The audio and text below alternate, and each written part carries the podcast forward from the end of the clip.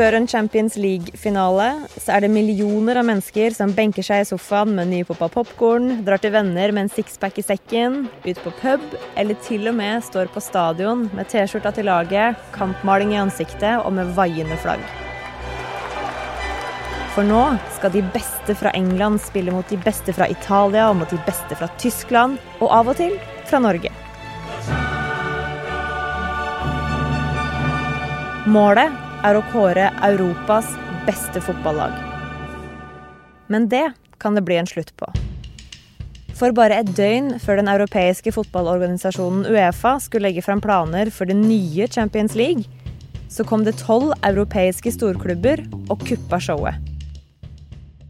Det som det hadde blitt spekulert om, lurt på, snakka om og trua med de siste åra, blir noe av. En ny superliga.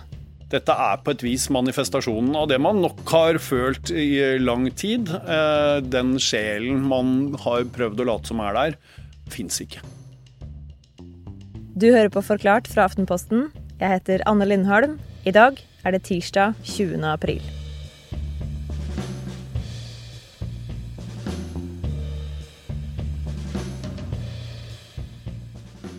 Det som skjedde i går, har rystet hele fotballverden. Det er det største sjokket i fotballhistorien. Daniel Rød Johansen er sportskommentator i Aftenposten.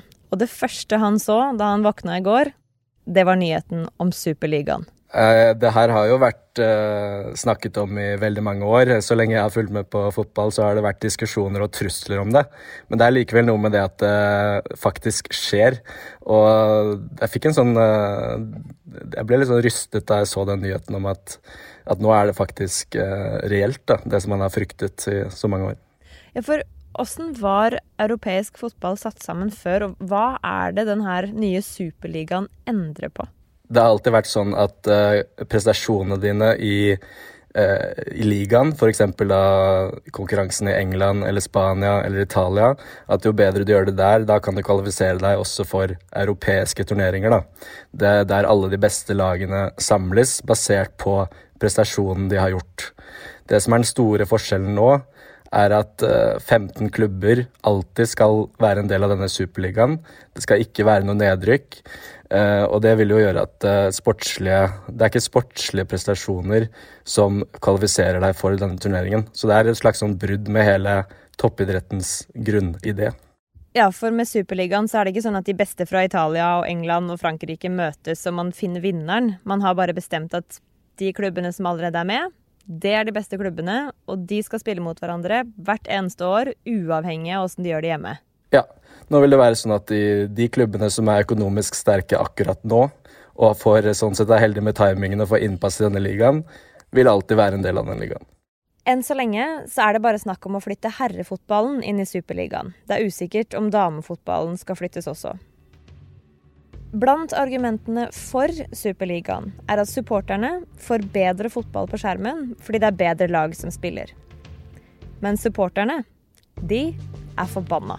I mean, I'm a Manchester United fan and have been for 40 years of my life, but I'm disgusted, absolutely disgusted. Clubs that have originated historically uh, from their towns, from their cities, from their local communities, they should have a link uh, with those fans and, uh, and, and, with the fan base in those, Og på Twitter for eksempel, så lar de toppklubbene få høre det. Altså, dette er utilgivelig. Nok er nok.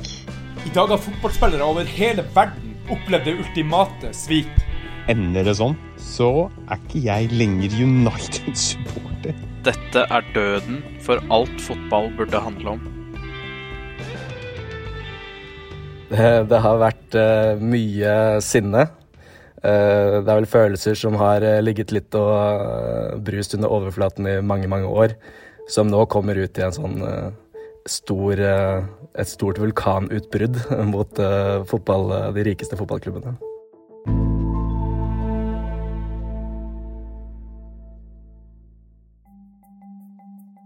Hvis vi f.eks. tar eh, England, så er fotballen en 150 år lang historie. Og det ble jo bygget opp veldig tett opp mot eh, arbeiderklassesamfunnet. Så for mange er jo fotball eh, en stor del av deres identitet. Og vi ser f.eks. i en Netflix-dokumentar som har blitt veldig populær om Sunderland fotballklubb. En klubb som var på toppnivået før, men som nå har sunket som en sten nedover i divisjonene. Der ser man en åpningsscene fra en kirke. As a community at a crucial time of the season for Sunderland Football Club. På en kampdag, da, der presten eh, ber for Sunderlands seier. Let's pray for our football club. Be a match there in the stadium this afternoon. This time last year we were beaten and relegated. But because of the hope and belief of our supporters, we dare to dream. Og det sier egentlig alt om hvor mye fotball kan bety. Og så kan man, hvis man ikke er interessert i det hele tatt, kan man tenke at det er rart og sånn, men jeg tror du må tenke mer eh, at det handler om identitet, fellesskapsfølelse og den type ting, og kultur, ikke minst, enn at det bare handler om et spill, da. Og det er, eh, det er, det som på en måte rokkes ved. Det er den 150 år lange tradisjonen som rokkes ved nå, ved disse eh, planene. Ja, men hva er det de egentlig vil, da? Hva, hva, liksom, hva er målet til supporterne? Jeg tror de ønsker eh, at fotballklubben deres skal være noe de kan kjenne seg igjen i. Eh, at bli At de føler seg hørt og sett, og at de føler seg verdsatt. For så er det mange sånne saker med når setter du opp eh, kamper, da. Og for et TV-marked så vil det være bra å spre kampene så mye som mulig. Ha litt sene kamper, midtukekamper, den type ting. Men for en som drar på kamp og vil ha en del av den supporteropplevelsen, så er det ikke optimalt å sette seg på et tog tilbake ved midnatt søndag kveld hvis du skal på jobb dagen etter. da. Så det er mange sånne små avgjørelser der de ikke blir hørt. Jeg tror de vil være en føle seg som en del av klubben da, og få litt, få litt av den kjærligheten tilbake som de faktisk gir. I løpet av søndagen så kom det noen nyhetssaker om at man brått skulle gjøre alvor av snakket om en superliga. Men til og med United-manager Ole Gunnar Solskjær, som jo er manageren til en av klubbene som bryter ut, påstår at han ble tatt på senga. I, I, haven't uh, looked into it. I've been just focusing on this game, so I just need to sit down and uh, see what it is, and uh, the, the, club will probably comment on it later. Solskjær skjønte nok Han ble vel sikkert overrasket over at nyheten kom, men han har jo skjønt at det har vært et spill i kulissene. og det er jo først og fremst hans sjefer i Manchester United og sjefene i de andre store klubbene som presser fram denne utviklingen. Og da er det viktig å se på hvem er det som står bak disse klubbene. Hvem er det som er på eiersiden? Og tidligere, når vi snakket om fotballens rolle i samfunnet, sånn, så var det jo lokale businessmenn f.eks. som eide klubbene. Det har jo endret seg radikalt de siste 20 årene. Nå ser vi eiere fra, eh, vi ser eiere fra Midtøsten, vi ser eiere fra Russland, og i dette tilfellet med Manchester United, eiere fra USA. Eh, og da er det kanskje heller ikke så rart at de egentlig ikke bryr seg så mye om de engelske Eh, eller tradisjonelle fotballtradisjonene, da. Åssen havna vi her da, Daniel? At en gjeng med sjefer i toppklubbene bare bestemmer seg for å lage en helt egen liga? Det vi ser i dag, er egentlig en eh, voldsom versjon av det som skjedde tidlig på 90-tallet. Da ble Champions League, eh, slik vi kjenner det i dag, skapt ut av en annen europeisk turnering. Det ble utvidet kraftig. Og også det var et resultat av trusler om en superliga. Så ideen om superliga er ikke ny. Det er jo ikke nytt at disse gigantklubbene har mye makt. Eh, det som har eh, skjedd, er at i stadig større grad så har man fått utenlandske eiere som har et helt annet syn på ting. Og for toppidrett så er jo uforutsigbarhet nøkkelen. Det er jo derfor vi ser på. Men for en businessperson så er uforutsigbarhet negativt. For en businessperson er opptatt av at uh, forutsigbarhet i budsjettene, uh, sikre inntekter. Og Superliga er en slags uh, Det forsikrer dem om det for, for all fremtid. Men ikke bare i framtida. For klubbene som starter Superligaen nå, de får litt over 3 milliarder kroner hver i en slags oppstartssum av banken JP Morgan, ifølge New York Times. Og 3 milliarder kroner er en god del mer enn hva man får hvis man f.eks. vinner Champions League. Men Daniel, altså fotball har jo handla om penger lenge. Så hvorfor er alle supporterne og ekspertene så forbanna nå? Nei, Det har jo vært eh, sinne uh, uh, over tid på et lavere nivå. at det kommer nå, tror jeg at Jeg tror det handler om at det er den endelige bekreftelsen på at fotballen har mistet sin sjel. Og så tror jeg det handler veldig om at selve sportens idé handler om uforutsigbarhet. Det med opprykk, nedrykk. Nå utfordrer, utfordrer du selve den, den grunnplanken. Og man ser jo i USA, der har man jo lukkede ligaer f.eks. i amerikansk fotball og i ishockey. Og jeg tror mange fotballfans nå frykter at man skal komme dit. Og så har man kanskje trodd Man har jo sett en negativ utvikling over tid. Men at, uh, at disse planene kom nå, gjør, gjør, at det blir mye mer virkelig nå. Men altså, hvis penger er målet med å lage Superligaen, og penger i fotball er jo billetter, sponsorer, TV-rettigheter. Men hvis supporterne kaller det et svik og en katastrofe og virker som om de vil liksom droppe hele opplegget, går det an å tjene penger på det da? Det er jo veldig høyt spill fra disse toppklubbene. Eh, men eh, så er jo spørsmålet hvor finnes det mest penger? Og det er jo ingen tvil om at kjernesupporterne, de som går på kamp, misliker dette sterkt.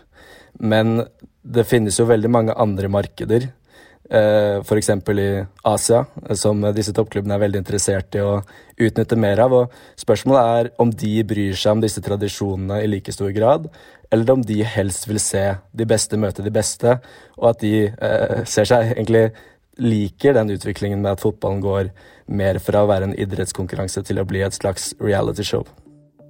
Så man kan si at de grunnfjellige supporterne, de, de eh, arbeiderklassesamfunnet i, i Manchester, det de er ikke så viktige supportere lenger. Jeg tror eh, når det kommer til stykket, så bryr jo egentlig ikke disse toppklubbene seg om dem i det hele tatt. Og det er jo det som sårer så mye akkurat nå.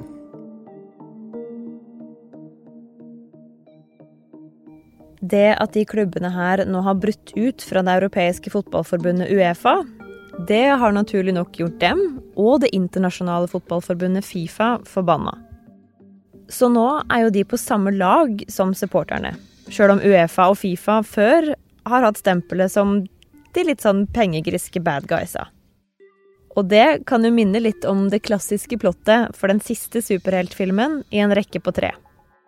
I den første så har du det gode mot det onde. I den andre filmen så kommer det onde tilbake.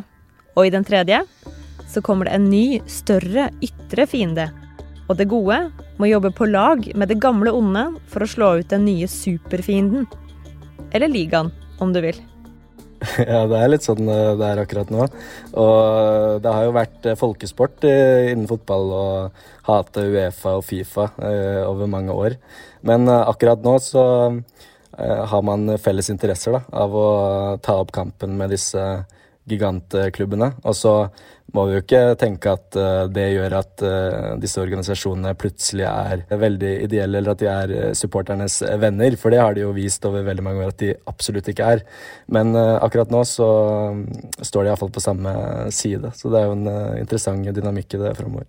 Men argumentet fra de toppklubbene som vil det her, da, som har starta Superligaen, det er jo at man får bedre fotball å se på. Du får mer spennende kamper fordi du ser de beste mot de beste. Du slipper å se halvdårlige lag blir grusa av Barcelona. Liksom, kan de ha rett i det? Kan det bli mer spennende fotball å se på? Det kan jo være noen uh, setter pris på å se de største stjernene mot hverandre hele tiden. Det er jo noen som i større grad følger stjernespillere enn klubber også, og sånn så det er et helt annet, helt annet forhold til fotball enn kjernesupporterne. Men spørsmålet man må stille seg, er hvor morsomt og spennende er det egentlig uh, om du får uh, om du får disse toppkampene hele tiden. Noe av eh, sjarmen og noe av det som gjør det spesielt, er jo at de møtes eh, sjelden.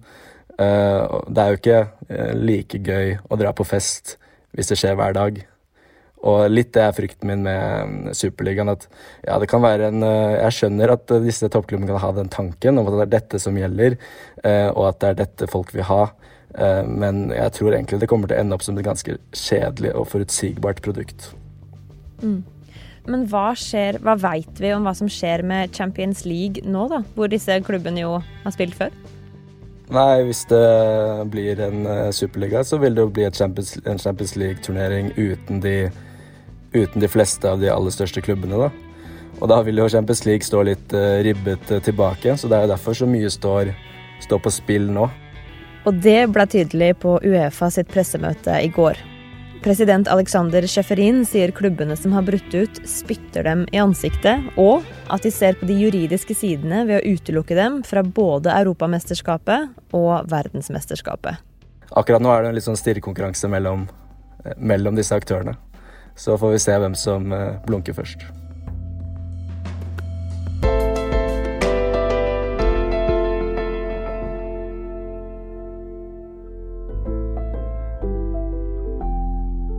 Denne episoden her er lagd av produsent Fride Næss Nonstad og meg, Anne Lindholm. Resten av Forklart er Caroline Fossland, David Vekoni, Ina Swan og Marit Eriksdatter Gjelland. Du hørte lyd fra NRK, fra Sky, fra nyhetsbyrået AP, og du hørte også stemmene til Robert Veiåker Johansen, Bjørn Egil Halvorsen, Hanne Brøndmo og Olav Eggesvik.